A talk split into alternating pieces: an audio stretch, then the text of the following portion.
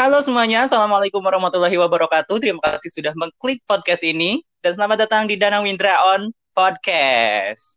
Oke, sore hari kayak gini teman-teman sudah melakukan kegiatan aktivitas sehari-harinya, sudah mulai beristirahat sambil istirahat. Teman-teman silahkan dengarkan podcast ini.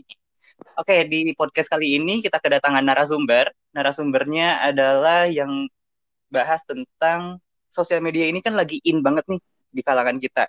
Jadi kita kalau nggak ada sosial media kayak berasa nggak hidup gitu gak sih? Nah kalau misalnya kita ngerasa nggak hidup, nggak main sosial media, dan kita kayak kayak gabut gitu nggak ngelakuin apa-apa kan?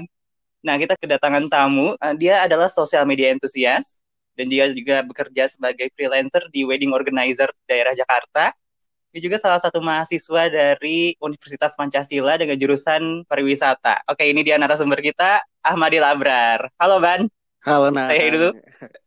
Halo teman-teman. Halo Nang. Selamat sore semuanya. Halo. Kayak udah lama gitu gue nggak ketemu lu anjir. ya ini udah beberapa berapa bulan ya Nang. Gue udah lama gak ketemu lu. Mm -mm, kayak terakhir tuh gue nginep di kosan lu tuh Februari akhir anjir. Februari akhir. Iya. Sampai sekarang berarti empat bulan. Wah gila. Tiap hari ketemu ya. Ya gitulah. Gara-gara Cek Koro sama Bapak Koro gak balik-balik ke Wuhan nih. ya mau gimana lagi ya udahlah. Pokoknya ini recording juga jauh nih dari Sukabumi sama daerah lu apa sih namanya lupa gue. Ya antara Sukabumi sama Sumatera lah. Oke, Sukabumi sama Sumatera ya. Pokoknya jauh sekali. Oke, kali ini kita bakal bahas tentang bijak menggunakan sosial media. Oke, jadi menurut pandangan lu gimana sih, Ban? Sosial media tuh Kalau menurut gue simpelnya gini aja sih Nang. Eh, sosial media itu kan suatu wadah atau media buat kita berkomunikasi sama teman-teman yang lainnya, cara kita buat jangkau teman-teman yang lainnya. Tetapi melewati teknologi. Ini kan yang menjadi eh, trendsetter atau peminatnya dari kalangan milenial sama generasi Z seperti kita gitu. Jadi menurut gue semua orang tuh wajib menggunakan media sosial. Hmm. Nah kan wajib nih yang kata lu tadi wajib. Tapi kenapa sih kayak misalnya sosial, sosial media tuh sekarang tuh bener-bener jadi kebutuhan bisa dikatakan kebutuhan primer loh sama semua orang. Kenapa sih bisa kayak gitu? Karena Menurut lu seiring gimana? perkembangannya zaman, eh, karena seiring perkembangannya Mm-mm. zaman ki- bis- kita bisa lihat kayak semua orang tuh cari informasi itu lewat jempol semua, nang lewat jempolnya semua, lewat eh, tu- tinggal ketik-ketik dapat gitu. Dan menurut gua sosial media itu kan eh, ada buruk, ada baiknya gitu juga, tergantung kitanya eh, mindset kita tuh bagaimana nanggapin Nah, sosial iya. media kita itu gitu. Oh, jadi bener-bener informasi berarti ya yang didapatkan. Iya benar benar-benar informasi dan entertainment juga berawalnya kan dari media sosial. Lu lihat aja sekarang eh, di TV-TV atau di mana semuanya Semua semua kabar-kabar artis, eh, kabar-kabar hiburan semuanya ada di sosial media juga gitu ya. kadang kan cuma nyomot-nyomot dari media sosial semua, Nang. Mm-mm, bener banget kayak Iya, kayak udah gak ada bahasan sekali. gitu loh. Karena gue suka kesel ya kalau misalnya nonton TV itu kayak udah pernah ditonton di sosmed gue gitu kayak udah nge-scroll itu tuh udah pernah gue lihat gitu jadi kayak suka Emang kesel gitu. Jadi kasihan juga kadang lihat orang-orang yang kerja Kehabisan ide juga karena idenya itu lebih dulu didapetin dari sosial media. Hmm, bener ya. Emang di sosmed itu kayak segala ada. Lu mau nyari Iya, apa pun ada di situ gitu ya. Nah, kan tadi udah ngobrolin soal kebutuhan sosial media nih. Terus kalau menurut pandangan lu di Indonesia sendiri nih, di kalangan kita, di generasi kita deh, Mm-mm. antara usia remaja sampai dewasa, aplikasi yang paling sering digunakan nih, Ban?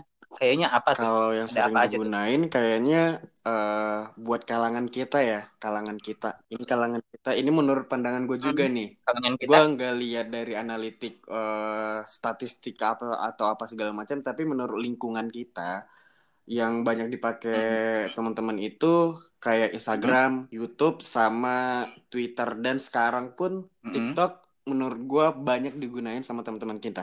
Ya lagi Hmm, in, lagi in menurut ya gua sekarang TikTok ya. eh, tidak selamanya ini TikTok eh, berhubungan dengan entertainment atau joget-joget atau apalah itu pokoknya entertainment tapi banyak edukasi juga di situ Mm-mm. jadi menurut gua bagi teman-teman yang Mm-mm. punya ide atau memiliki jiwa-jiwa kreator nih jiwa-jiwa edukasi ini saatnya buat lu, lu pada nyemplung Mm-mm. ke TikTok toh sekarang di Instagram atau di media sosial lainnya Hmm. itu tuh bahan-bahannya itu dari TikTok semua diupload lagi ke media sosial lainnya. Menurut gue gitu, Nang. Hmm, jadi emang kalau misalnya mau mendapatkan informasi-informasi kekinian banget nih, kayak misalnya sekarang-sekarang Yap, lebih benar. ke TikTok Lebih ya. ke TikTok menurut gue. Gue juga lihat eh, apa edukasi-edukasi atau informasi dan hiburan itu sekarang lewat TikTok. Gue main TikTok Hmm. sekarang, tapi gue belum ada video yang gue upload. Hmm. Nah, menurut Iya. lo nih kan TikTok lagi in banget nih. Terus menurut pandangan lo kan dulu TikTok bener-bener dihujat abis-abisan ya, kayak disebut alay apa segala macem. Bahkan sampai si influencer si TikTok itu, si artis TikTok itu sampai bener-bener udah nggak main TikTok lagi gitu. Kenapa sih orang-orang tuh bisa ngomong ke sana gitu? Bisa ngomong meng-hate orang itu gitu. Menurut lo gue gimana tuh? kemarin cuman ininya doang sih. Emang dari kalau gue menurut gue kemarin juga TikTok itu cuman emang Mhm. bener masih kebanyakan dari ini dari orang-orang yang ya cuman joget-joget doang, belum ada belum terlalu banyak edu-edukasinya menurut gue. Corona ini sih yang membuat Hmm. menurut gue yang membuat eh, si TikToknya hype lagi menurut gue. Karena tingkat kebosanan orang kan berbeda-beda ya.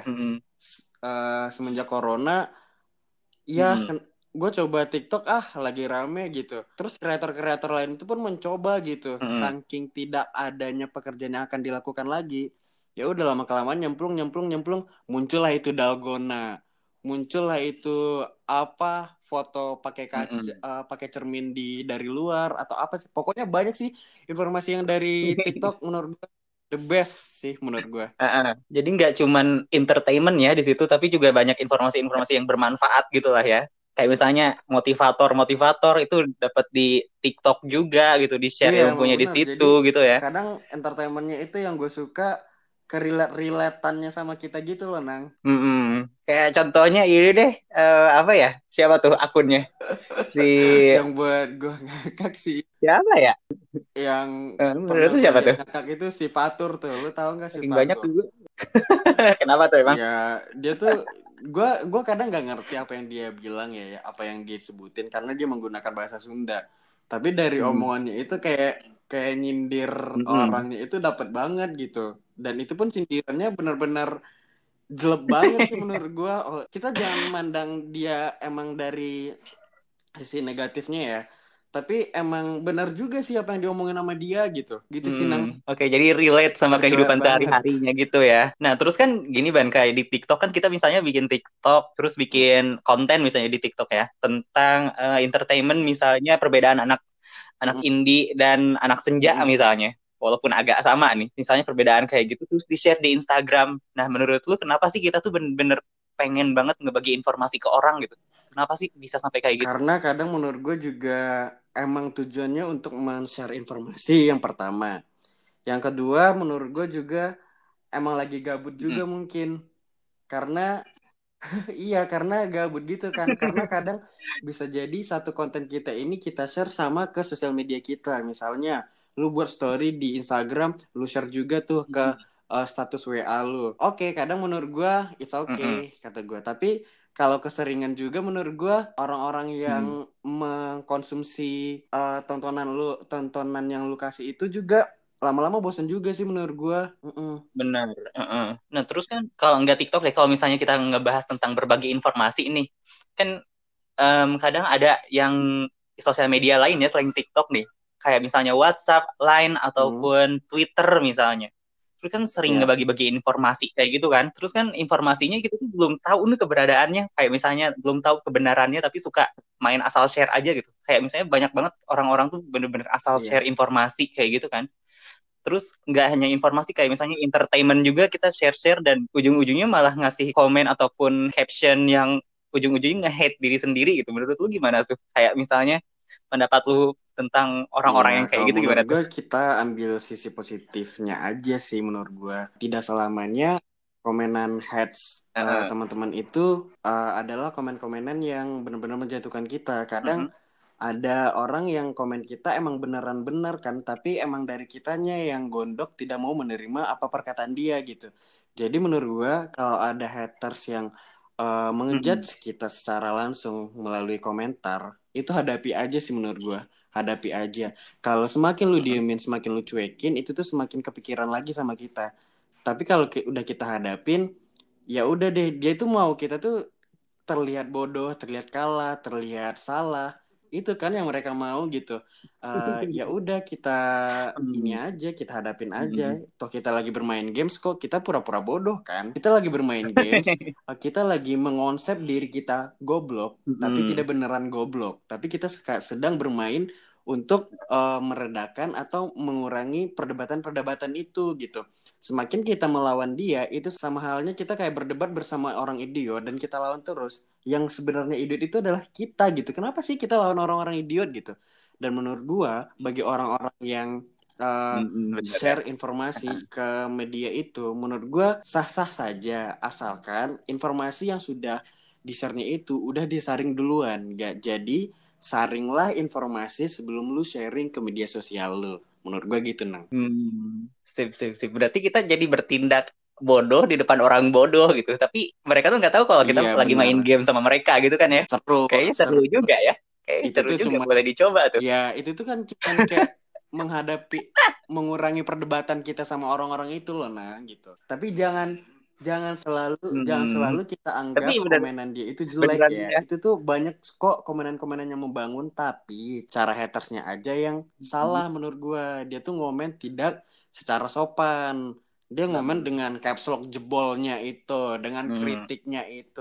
Kadang kita gini nih, kita sudah mikir jauh-jauh hari caption apakah yang tidak menyinggung, foto apakah yang tidak Mm-mm. akan mengundang pembicaraan, tapi tetap aja ada yang kritik, tetap Mm-mm. aja yang lihat. Padahal itu foto udah kita edit pakai tiga aplikasi tanpa ada kesalahan loh nang gitu. Ya menurut gua Mm-mm. jangan eh, ini jangan selalu mikir itu negatif, jadikan itu buat langkah cerdik kita buat selangkah lebih maju dari dia. Gitu aja sih. kadang gini juga sih kayak misalnya gue punya pengalaman teman gue nih Ban ya teman gue tuh dia tuh Iya. followersnya udah banyak ya tapi dia tuh pernah bilang ke gue gue tuh gue main sosial media Hmm. nggak nyari followers gitu tapi ujung-ujungnya dia tuh bener-bener tertarik banget sama yang namanya angka misalnya Em, kita udah buka postingan terus Ah. diupload nih upload satu foto itu tuh bener-bener seharian dia tuh nungguin yang nge-love Instagram postingan Instagramnya bener-bener ditungguin banget seharian. Terus gue tuh sampai gedek lu mau upload nyari apaan sih? Maksudnya mau nyari em, love Instagramnya atau lu mau berbagi konten lu gitu? Jadi kenapa sih orang-orang tuh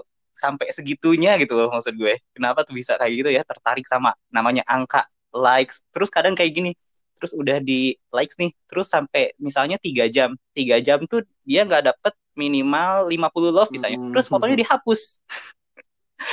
Terus kata gue jadi hidup lu tuh gak jelas gitu terus menurut lu gimana tuh dengan Ya, orang-orang yang kayak gitu sih manusiawi aja sih. Mungkin dia itu lagi overthinking dan insecure-nya berlebihan gitu. Semua orang pun menurut gua pasti memiliki eh, sifat gitu gitu.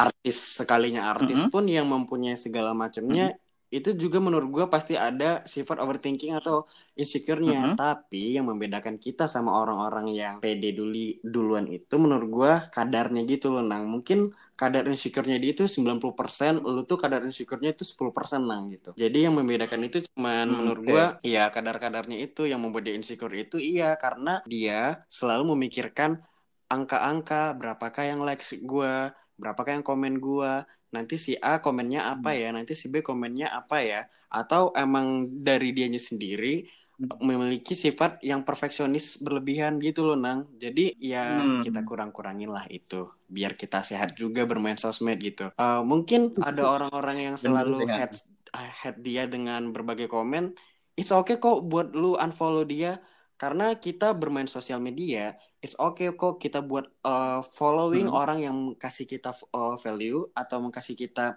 eh, satu pandangan yang bisa merubah kita dan it's okay juga menurut gua buat kita unfollow sekalinya itu teman kita atau siapa yang Mhm. memberikan toxic buat kita gitu. Jadi kita jauhi toxic kita, ayo kita berlari ke lingkungan yang memberi kita support habis-habisan. Menurut gue gitu sih, Nang. Hmm, bener. Tapi kayak gini cuman kita pindah ke aplikasi lain ya. Misalnya Iya. WhatsApp nih. Di WhatsApp kita pasti punya yang namanya Iya. grup WhatsApp kan. Contoh kasusnya gue deh ya, jangan jauh gue nih. Tapi grup gue tuh, em, gue tahu itu tuh bukan pembahasan untuk yang lain-lain gitu. Itu tuh bener-bener pembahasan untuk misalnya kerjaan, Mm-mm. misalnya ya, misalnya. Nah ternyata pas gue buka WhatsApp grup itu, kok pembahasannya jadi ke mana-mana gitu. Dan gue tuh nggak mau ribet kan, kayak misalnya nggak mau ribet ngebahas tentang ikutan ngobrol-ngobrol itu karena menurut gue itu nggak ada manfaatnya walaupun sekedar hiburan, tapi menurut gue hiburannya tuh nggak nggak satu frekuensi sama hiburannya gue gitu. Kan gue udah masuk di grup Mm. itu. Kan kalau di WhatsApp itu kan bisa di mute kan bisa di mute untuk notifikasinya. Tapi gue sedikit keganggu nih sama si mute itu. Soalnya setiap gue buka WhatsApp si notifikasi grup itu tuh bener-bener kayak misalnya gue tinggalin setengah jam deh misalnya 30 menitan terus pas gue cek WhatsApp lagi itu si grup itu tuh bener-bener sampai 200 message sampai bener-bener yang kayak gitu. Dan kalau misalnya gue left nih left di grupnya kan ada tulisannya tuh ya Danang Windra left the group gitu kayak misalnya kesannya kok sombong banget nih orang kok nggak mau sosialisasi sama gue gitu dan menurut lu dengan yang kayak gitu antara terganggu tapi mau keluar nggak enak gitu menurut lu gimana tuh Kalau menurut gua, menurut gua nih ya, menurut pandangan gua, tidak eh, nanti buat Mhm. teman-teman yang denger, gue tidak maksain lu harus ikutin Mhm. pendapat gua, lu punya pendapat masing-masing gitu lah. Kalau menurut pendapat gua, gua Mhm. kalau jadi lu, gua bakal left grup nang. Karena itu tuh sudah mengganggu gua. Mhm. Gua nggak mau setiap hari gua tuh terganggu oleh karena oleh karena dong bahasanya. Cuman karena itu doang gitu. Cuman karena eh, grup-grup yang rame itu doang. Toh dia mungkin kalau kita left grup juga dia gak Hmm. bakal peduli. Kita tuh selalu beroverthinking gitu loh. Hmm. Ih nanti si ini marah. Oh iya si ini Hmm. marah. Oh ini gak bakal temenan lagi nih sama gua. Dia pasti nganggap gua sombong nih. Itu tuh cuman overthinking kita doang. Dia juga nggak peduli. Lu mau left group, lu mau apa, dia juga nggak peduli. Dia juga nggak bakal kalau kasusnya lu bilang sampai 200 atau segala macam chat itu. Menurut gua orang-orang di situ yang di dalam itu nggak Mm-mm. peduli lu mau keluar mau apa karena lu lihat aja dulu dalamnya aja udah terganggu nan udah toksik sampai kapan lu mau gitu Oke, jadi salah satu solusinya adalah bisa left group. Menurut gue nggak penting ya, udah left group aja gitu loh. Karena nggak ada yang peduli juga gue left group ya. Ujung-ujungnya kayak gitu juga sih, bener juga sih, Pak. Mm, bener juga emang itu yang gua lakuin Hmm. Akhir-akhir ini Bu- udah lama sih gua ngelakuin gitu pokoknya gue simpel aja sih Hmm. hidupnya kalau gua nggak suka kalau gua nggak sehat Hmm. di lingkungan itu ya udah gua aja yang sendiri yang pergi gua aja yang mundur perlahan udah kayak lagu TikTok kan mundur perlahan Hmm, daripada ribut Iya ya, benar sekali mundur perlahan. Iya, berarti bener sih, bener-bener. Kok gue geli ya dengernya mundur perlahan gitu kayak mau ketabrak mobil gitu. Nah gini sih, Pan. Em, gue pengen nanya sama lu. Terus yang bener-bener lu terganggu itu dapet Ah, ah. di WhatsApp ya, dapet chat yang kayak gimana? kayak misalnya gue tuh keganggu sama orang-orang yang misalnya ya ngirim broadcast, tapi ngirim broadcastnya tuh dia tuh nggak tahu aturan gitu. Kayak misalnya em, ngirim broadcast sampai ada salam pembuka atau segala macam kan itu kesannya kayak ini mau ngirim podcast, jadi siapa yang Hmm. butuh gitu loh. Jadi gue tuh kalau misalnya diri doang juga, jadi itu tuh teman gue gitu. yang bener-bener terganggu tuh gimana tuh? Apa apa menurut gue yang kayak gimana? yang ngechat gua nggak jelas cuman dengan PPPPPPPPP sampai banyak-banyak saat gue tuh nggak ngerti apa maksud dia kalau dia urgent kenapa dia tidak ban lu di mana lu sibuk nggak boleh gua boleh minta tolong nggak oke dari Mhm. situ gue udah baca gue udah nangkap oh dia ini mau minta tolong gue balas cepet-cepet ah gitu atau eh ban lu di mana? Langsung aja tuh kasih tahu ber dibanding lu ngechat gua PPPPP cuman nyapa gua. Ban gue bingung ini tuh anak mau ngapain? Mhm. itu tuh eh, memberikan sinyal buat gua Mm-mm. nggak usah bales nggak jelas gitu. Padahal tuh dia lagi minta tolong gitu. Mm-mm. Eh, ya menurut gue itu yang menyebabkan gue mengundur-ngundur bales chat orang atau cuman read chat orang. Karena gue nggak nggak suka sama orang-orang yang jelas gitu habis itu buat teman-teman yang pertama kali chat gue it's okay masih gue balesin tuh lu tapi gue kasih tahu dulu Hmm, karena belum Iya, tahu ya. gue kasih tahu dulu tuh di awal. Lu kalau chat gue gini lagi, gue nggak bakal bales ya gitu. Dan ada sih beberapa teman gue yang mengulangi lagi, tapi dia sadar lagi, oh si Hmm. Aban kan gak suka gini, baru dia chat in- intinya. Menurut gue orang-orang yang gini ini terbiasa dengan aplikasi ping di BBM dulu, gitu. Oh, iya. Habis itu ya Hmm, ping ping ping, ping ping gitu. Eh, habis itu ya Hmm. udah emang nggak enakan aja sih menurut gua. Tapi lu sama gua kan temenan, nggak enakan mana lagi sih yang lu nggak enakan gitu. Mm-mm. Banyakan nggak enak, jadi Iya. dua-duanya nggak enak gitu. gitu kan, jadi pasif. Jadinya dia cari- mencari pertolongan lain. Jadi iya apaan sih? gitu. Terus Ben, kayak misalnya bener juga sih ini bener-bener bener-bener bisa di aplikasi ini. Kayak misalnya orang tuh kan misalnya nang P P P P P kadang gue juga ini tujuannya buat apa sih? gitu. Walaupun temen ya langsung aja deh ke intinya apaan gitu. Jadi nggak mau ribet juga kalau misalnya P P P P P apa segala macem. Ujung-ujungnya juga kalau lu mau ngobrol sama gue ya mau ngobrol apa? Misalnya nang kangen misalnya. Terus kan maksudnya iya lu di mana? Gue gini. Jadi langsung intinya kayak Iya. gitu kan ya harusnya. Ketemu yuk gitu. Hmm, misalnya sama temen lama nggak ketemu langsung aja aja ketemuan. Jadi bener-bener ada langsung ada pembahasan gitu loh nggak basa-basi segala macam agak ribet agak risih juga sih bener sih ban. Iya bener-bener kayak misalnya teman-teman gue ngechat nang pepepe kayak bener-bener risih gitu bener-bener bener-bener. Ya pokoknya buat teman-teman yang dengerin ini yuk lebih em, lebih ke langsung aja intinya gitu. Basa-basinya dikurangin lah dikit bikin risih orang kayak gitu. Oke nih Ban, satu pembahasan selanjutnya nih. Kayak menurut lu kan banyak nih kayak misalnya ih sosial media tuh toksik banget banyak banget nih nemu-nemuin orang-orang yang ngomong kayak gitu. Kayak misalnya nge- nge-tweet ada yang kayak gini nih misalnya nge-tweet ih sosial media toksik banget tapi secara nggak langsung dia tuh pakai sosial media Iya. gitu. Terus menurut lu orang-orang yang ih sosial media toksik banget gue mau puasa sosial, media gitu. Nah menurut lu sama orang-orang yang puasa sosial media itu gimana? Padahal semua informasi itu ada di sosial media loh. Menurut lu gimana tuh? Gue setiap orang itu memiliki sosial media ternyamannya sendiri gitu. Bisa jadi dia membilang toxic di first akunnya, first akunnya, tapi dia bermain sosial media habis-habisan waktunya habis di sosial media di fake akunnya. Mm. membuat dia puasa bermain sosmed itu bukan sosial medianya tapi orang-orang yang di follow sama dia gitu. Itu kan yang membuat kita jenuh atau nggak suka sama sosial media karena banyak orang toksik karena banyak orang ini.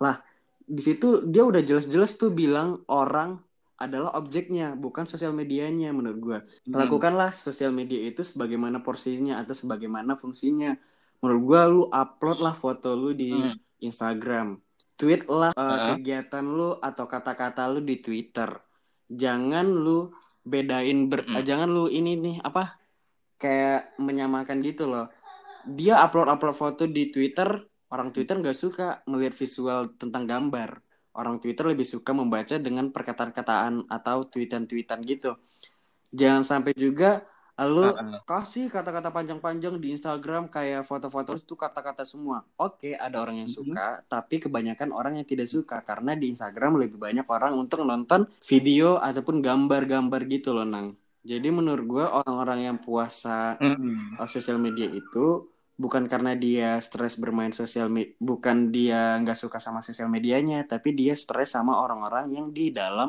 media sosialnya itu gitu. Oh, jadi balik lagi ke yang em, lu Iya. katain tadi ya. Jadi bener-bener kalau misalnya menurut lu toxic banget boleh kok di unfollow karena itu bener-bener nggak ngaruh sama hidup lu Iya. gitu loh.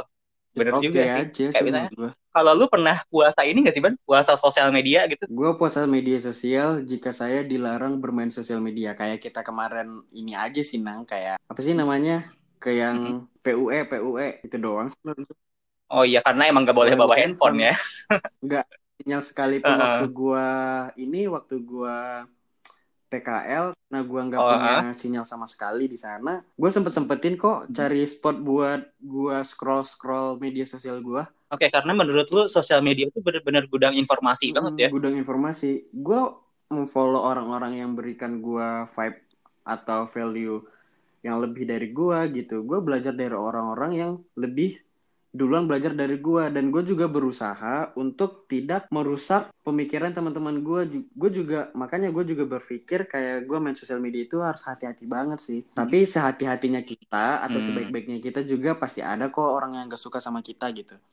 Jadi enjoy aja, enjoy. Jadi Iya. santuy gitu ya, santuy banget. Jadi emang bener sih, bener kayak misalnya kalau misalnya kita posting ngadepin hate comments misalnya, kan bener menurut lo tadi. Karena semua orang tuh ada yang suka sama kita, ada yang enggak juga suka sama kita. Mm-mm. Yang lu tadi saring dan sharing ya. Iya. Bener bener. Saring dulu lu sebelum sharing. Terus nih Ban, nah gue jadi em, selewat kepikiran kayak gini. Terus menurut lu nih, kan sekarang banyak kata-kata eh, baru yang Iya. di kalangan kita gitu. Kayak misalnya bucin, em, apa tuh, alay, kep, kepo, terus apa lagi sih? Ya Ah. banyak lah ya, banyak yang kata-kata kayak gitu. Nah, itu tuh secara nggak langsung kata-kata itu bukan hanya mengekspresikan loh, mengekspresin tapi juga menjadi objek utama buat nge-hate orang gitu loh.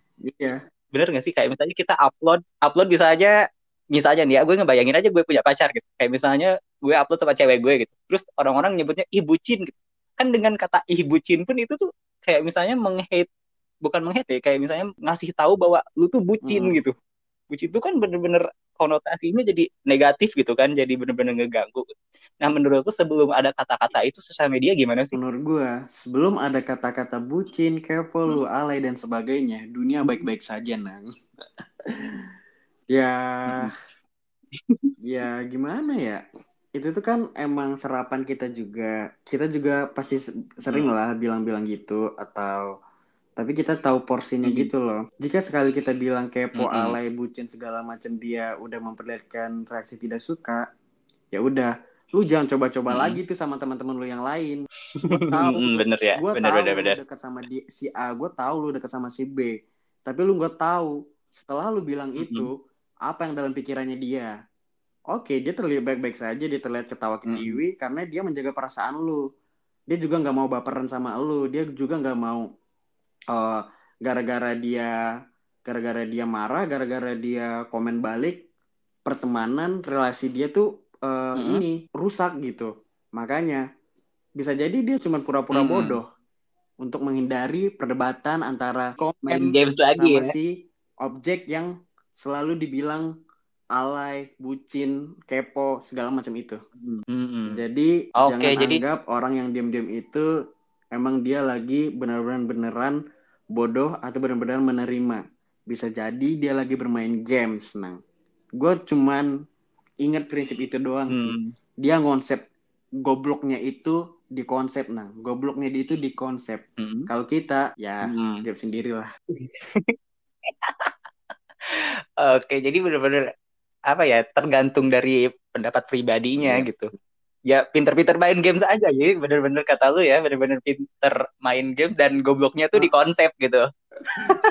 Oke, ini tadi udah ngomongin Iya. banyak banget nih, Ban. Lah sekarang kita masuk ke kan judulnya bijak menggunakan sosial media Iya. nih ya. Nah menurut lu yang bijak menggunakan sosial media ini menurut lu harus ngapain sih kita untuk bisa bijak menggunakan sosial media gitu? Yang pertama kita ubah mindset kita. Ubah mindset kita duluan. Kita sharing itu buat apa? Kita sharing buat menyebar vibe, positif vibe, buat entertainment, buat kasih orang-orang value. Oke, nggak masalah. Mhm. Habis itu yang kedua, mindset kita pun juga harus diubah. Jika ada yang komen kita, jangan Mhm. sesekali langsung anggap itu adalah hujatan atau kritikan yang menurunkan kita. Bisa jadi itu adalah kritikan yang membangun kita. Kita menghadapinya gimana? Hadapin Mhm. aja. Jangan lu diemin. Karena kadang kalau kita semakin kita diemin, semakin kita kepikiran. Hadapin aja satu-satu dan cara ngadepinnya cukup Mhm. tanggapin dia sesuai apa yang dia mau. Dia mau kita terlihat kalah, dia mau Mhm. dia dia dia mau kita terlihat bodoh, dia mau kita terlihat lemah. Ya udah, gituin aja. Tapi di sisi itu, di lain sisi Hmm, itu, lu ambil langkah cerdik lu untuk mencapai sesuatu yang baik lagi. Fokus dari jalan lu bermain sosial media itu. Fokus. Lu mau ngapain sih di main sosial media itu? Mencari informasi, mau sebar hal-hal yang baik, ya udah lu fokus di situ aja. Jangan lu fokus dengan komentar orang, hujatan orang. Itu yang membuat karya-karya lu tertunda cuman di lu doang. Jangan buat Hmm. orang-orang menghentikan karya-karya lu. Gitu aja sih, Nang. Simple aja. Oke, itu ya bener-bener harus mulai sekarang nih kita harus bener-bener ubah mindset segala macam ya untuk lebih Iya, bijak gitu. lu Bener sih enak bener, punya bener, bener. banyak eh, stok kuat-kuat buat lu semangat, buat lu apa, buat lu ini, tapi mindset lu cuma di situ-situ doang, itu nggak bakal mau rubah segalanya gitu. Menurut gua sebanyak apa pun peraturan, sebanyak apa pun ininya, kalau mindset kita bener-bener emang mindsetnya nggak terbuka, ya udah kita kayak gitu-gitu aja, Mm-mm. Jalan di tempat aja. Oke oke bener bener bener relate banget sih. Jadi nggak usah ribet dan ya harus bener-bener ubah mindset segala macamnya mulai dari sekarang. ya, benar. ya. Oke nih, yang harus dilakukan nih ke depannya kalau misalnya kita sudah terlanjur nih ban sudah terlanjur kan tadi yang disebutin ah gue udah ngelakuin itu dan bener-bener nggak ada manfaatnya gitu. Terus yang dilakuin buat ke depannya gimana tuh? Buat kita semua nih. Hmm, menurut gua kalau buat yang dilakukan sekarang, ya udah lu mau ngapain sih tujuan lu bermain Instagram kalau emang kasih value Hmm. lah orang baik mah nggak bakal berhenti jadi orang baik nang gitu gitu nggak sih nang Oke, bener bener bener bener. Terus gini sih Ban, kayak misalnya kayak kan kita udah tahu nih terlanjur apa segala macam. Hmm. Terus tetap aja misalnya ada tetap nih tetap ada yang bener-bener nge-hate comments Mhm. gitu di Instagram lu gitu. Terus tapi udah lu tuh udah tahu gitu kalau itu tuh ya udah kita biarin ya udah gak apa segala macam. Tapi bener-bener kepikiran dan jadinya kayak gini nih. Posting hapus lagi, posting hapus lagi kayak gitu. Apa sih yang bener-bener kita lakuin? Apa ya bener-bener kita harus tekanin ke dalam diri kita sendiri itu apa gitu? ya lagi-lagi mungkin orang-orang bakal bosen sih ngomong eh, gua ngomongin mindset lagi mindset lagi mindset lagi tapi emang bener-bener mindset itu diubah Bener harus dirubah mindset ya. harus dirubah lu sampai mana pun lu kalau mindset lu emang udah rusak udah lu rusak sampai ujungnya Mm-mm. simpel aja pokoknya lu perbaiki mindset lu dulu sebelum lu kotak atik sebelum lu mau melakukan sebelum lu mau konten sebelum lu mau podcast nang sebelum lu mau buat Mhm. sesuatu Mm-mm. udah pokoknya lu pikirin mindset lu dulu lu jangan berekspektasi tinggi dulu lu jangan berekspektasi kalau gue buat podcast gue Mhm. akan famous kalau gue buat konten gue akan uh, Mhm. jadi followers uh, selebgram gue akan banyak dapat followers tidak semudah itu yang jadi influencer yang jadi selebgram aja dia tuh membutuhkan proses dia Mhm. tuh butuh-butuh proses yang panjang lu sampai kapan sih nggak mungkin Mhm. satu konten lu atau satu podcast lu membuat lu jadi viral nggak mungkin Bener, bener, bener. Karena gue juga gak punya masa banyak ya. Dan emang tujuan gue bikin podcast yang pertama emang karena kita gak ada aktivitas gitu gak sih, Iya, kita nggak ada Gue kerja mulai Agustus. ya kita belum Lu, lu kuliah mulai kapan? ya kita belum pernah nyemplung di dunia yang berbeda ini kan gitu kita kapan sih kita coba hal yang Ya, benar, benar. Nang? kita mumpung muda ilmu itu emang banyak tapi umur kita pendek Nah, bener. Umur gak ada yang tahu, Wak. umur nggak ada yang tahu Kata- Heeh, bener, kalau bener, kata bang. Ogut muda itu cuma sekali lo mau Mm-mm. jadi muda yang lempeng gitu gitu gitu aja Bener, bener, bener, bener. Jadi bener-bener apa ya? Ayo kita mulai coba buat yang baru dan jangan takut untuk memulai gitu, jangan Edan. memulai. terus nanti ada hujatan ah lu mah Pikiran lagi. Ah. Gak bakalan bener hidupnya lu kayak gitu aja terus sampai meninggal lu. lu gini nang Allah lu mah expert malah sharing gak jelas lu katanya gitu tapi malah didengerin sama dia malah didengerin sama dia setidaknya gue itu kasih tahu lo dari 0 Mm-mm. menjadi 0,1 gue nggak butuh lu dari 0 jadi 10 Hmm. gue cuma merubah lu dari 0 jadi 0,1 atau 0, bener, bener, berapa bener. berapa dah gue nggak ngerti matematika. Kayaknya lebih lebih paham lu deh dibanding gue Bang. buat si podcast ini kalau misalnya lu jadi moderatornya boleh gak nih? Ya enggak lah nang. Enggak lah. Semua orang kan punya eh, lapaknya masing-masing. Lapak lu kan di masa sih sedot po- eh, lapak orang semua? Enggak lah. Ya ya ya. oke ini tadi udah ngobrol banyak nih Ban. Udah banyak manfaatnya banget nih terus em, ada pesan gak sih Ban buat teman-teman kita nih yang khususnya buat generasi-generasi seumuran kita deh? Apa nih? Eh, pesannya apa ya? Buat teman-teman yang dengerin sekarang ayo kita bareng-bareng ubah mindset kita. Tidak selamanya perkataan orang itu jelek sama kita. Bisa jadi itu perkataan yang bisa membangun kita gitu. Dan tidak selamanya juga kritikan orang itu adalah kritikan menurunkan kita kita ambil saja sisi positifnya. Kita ambil Hmm. di mana kita bisa ngambil langkah cerdik lagi. Dia itu cuman mau terlihat kita kalah mau terlihat kita ini segala macam. Tapi jangan jangan cemas jangan hiraukan komen-komenan itu. Namanya juga tamu. Toh nanti juga dia pre- eh, pergi lagi kok dari kita gitu. Sampai kapan kita harus mikirin komen mereka? Dia aja udah mulai nongkrong lagi dia juga udah mulai rebahan lagi. Dia nggak peduli sama apa yang udah dikatakan sama dia gitu. Hmm. Mau baiknya kita mau buruknya kita cukup sisakan sekitar 20% ruang di hatimu untuk menghadapi para komentator itu. Chill aja toh kita hidup di dunia untuk menghadapi ujian kok. Bagaimana Tuhan untuk menilai kita jika kita tidak melewati ujiannya? Hmm. gitu nggak sih Nang? Benar benar benar. Terus ya buat teman-teman yang selalu posting hapus posting hapus posting hapus itu menurut gua udahlah kita jangan insecure lagi. Stop bandingin diri lu sama orang lain tapi bandingin diri lu yang sekarang Hmm. sama diri lu yang dulu. Lihat Hmm. dia udah berubah kok. Dia udah kasih progres kok yang lebih baik buat lu gitu. Jauhi toxic dan larilah ke lingkungan ke lingkungan yang support lu habis-habisan. Jujur sama diri lu sendiri cuy gitu. Karena lu itu unik nggak ada yang bisa seperti lu gitu. Berikan kesempatan bagi dirimu sekali lagi. Dan dia mau berubah kok kembali kehidupan normal dia janji juga kok nggak ngikutin style orang-orang lagi gitu nah tebalkan emosi lu tebalkan spiritual lu Hmm. sekarang udah siap nggak lu untuk berkarya lagi Siap, komandan. Kayak lu ngomongin ke gue sih, tapi bener-bener gue jadi self feeling gitu loh buat gue. Bener thank you loh, Ban. Enggak nang kita kan sharing-sharing aja. Saring dan sharing ya, bener kata lu tadi, saring dan sharing ya. Oke Ban, thank you buat kesempatannya. Kita udah ngobrol banyak banget tentang media sosial nih, bijak menggunakan media sosial. Baik untuk teman-teman yang dengerin podcast ini, itu banyak banget informasi-informasi dan juga manfaatnya. Dan silahkan teman-teman implementasikan. Tapi ingat sharing dan sharing lagi informasi dari kita Yap. semua.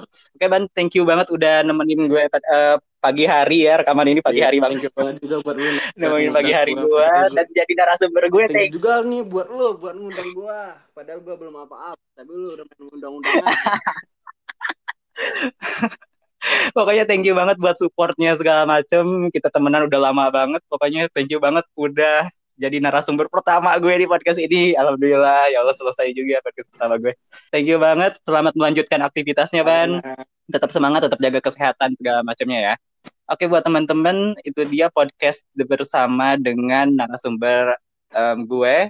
Jadi teman-teman silahkan, oh iya satu lagi.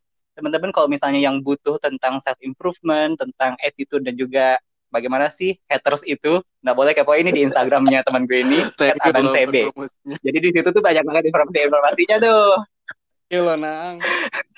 Ya pokoknya silahkan kepoin juga. Kita bergerak di bidang yang sama kok. Si Aban di Instagram, gue di podcast.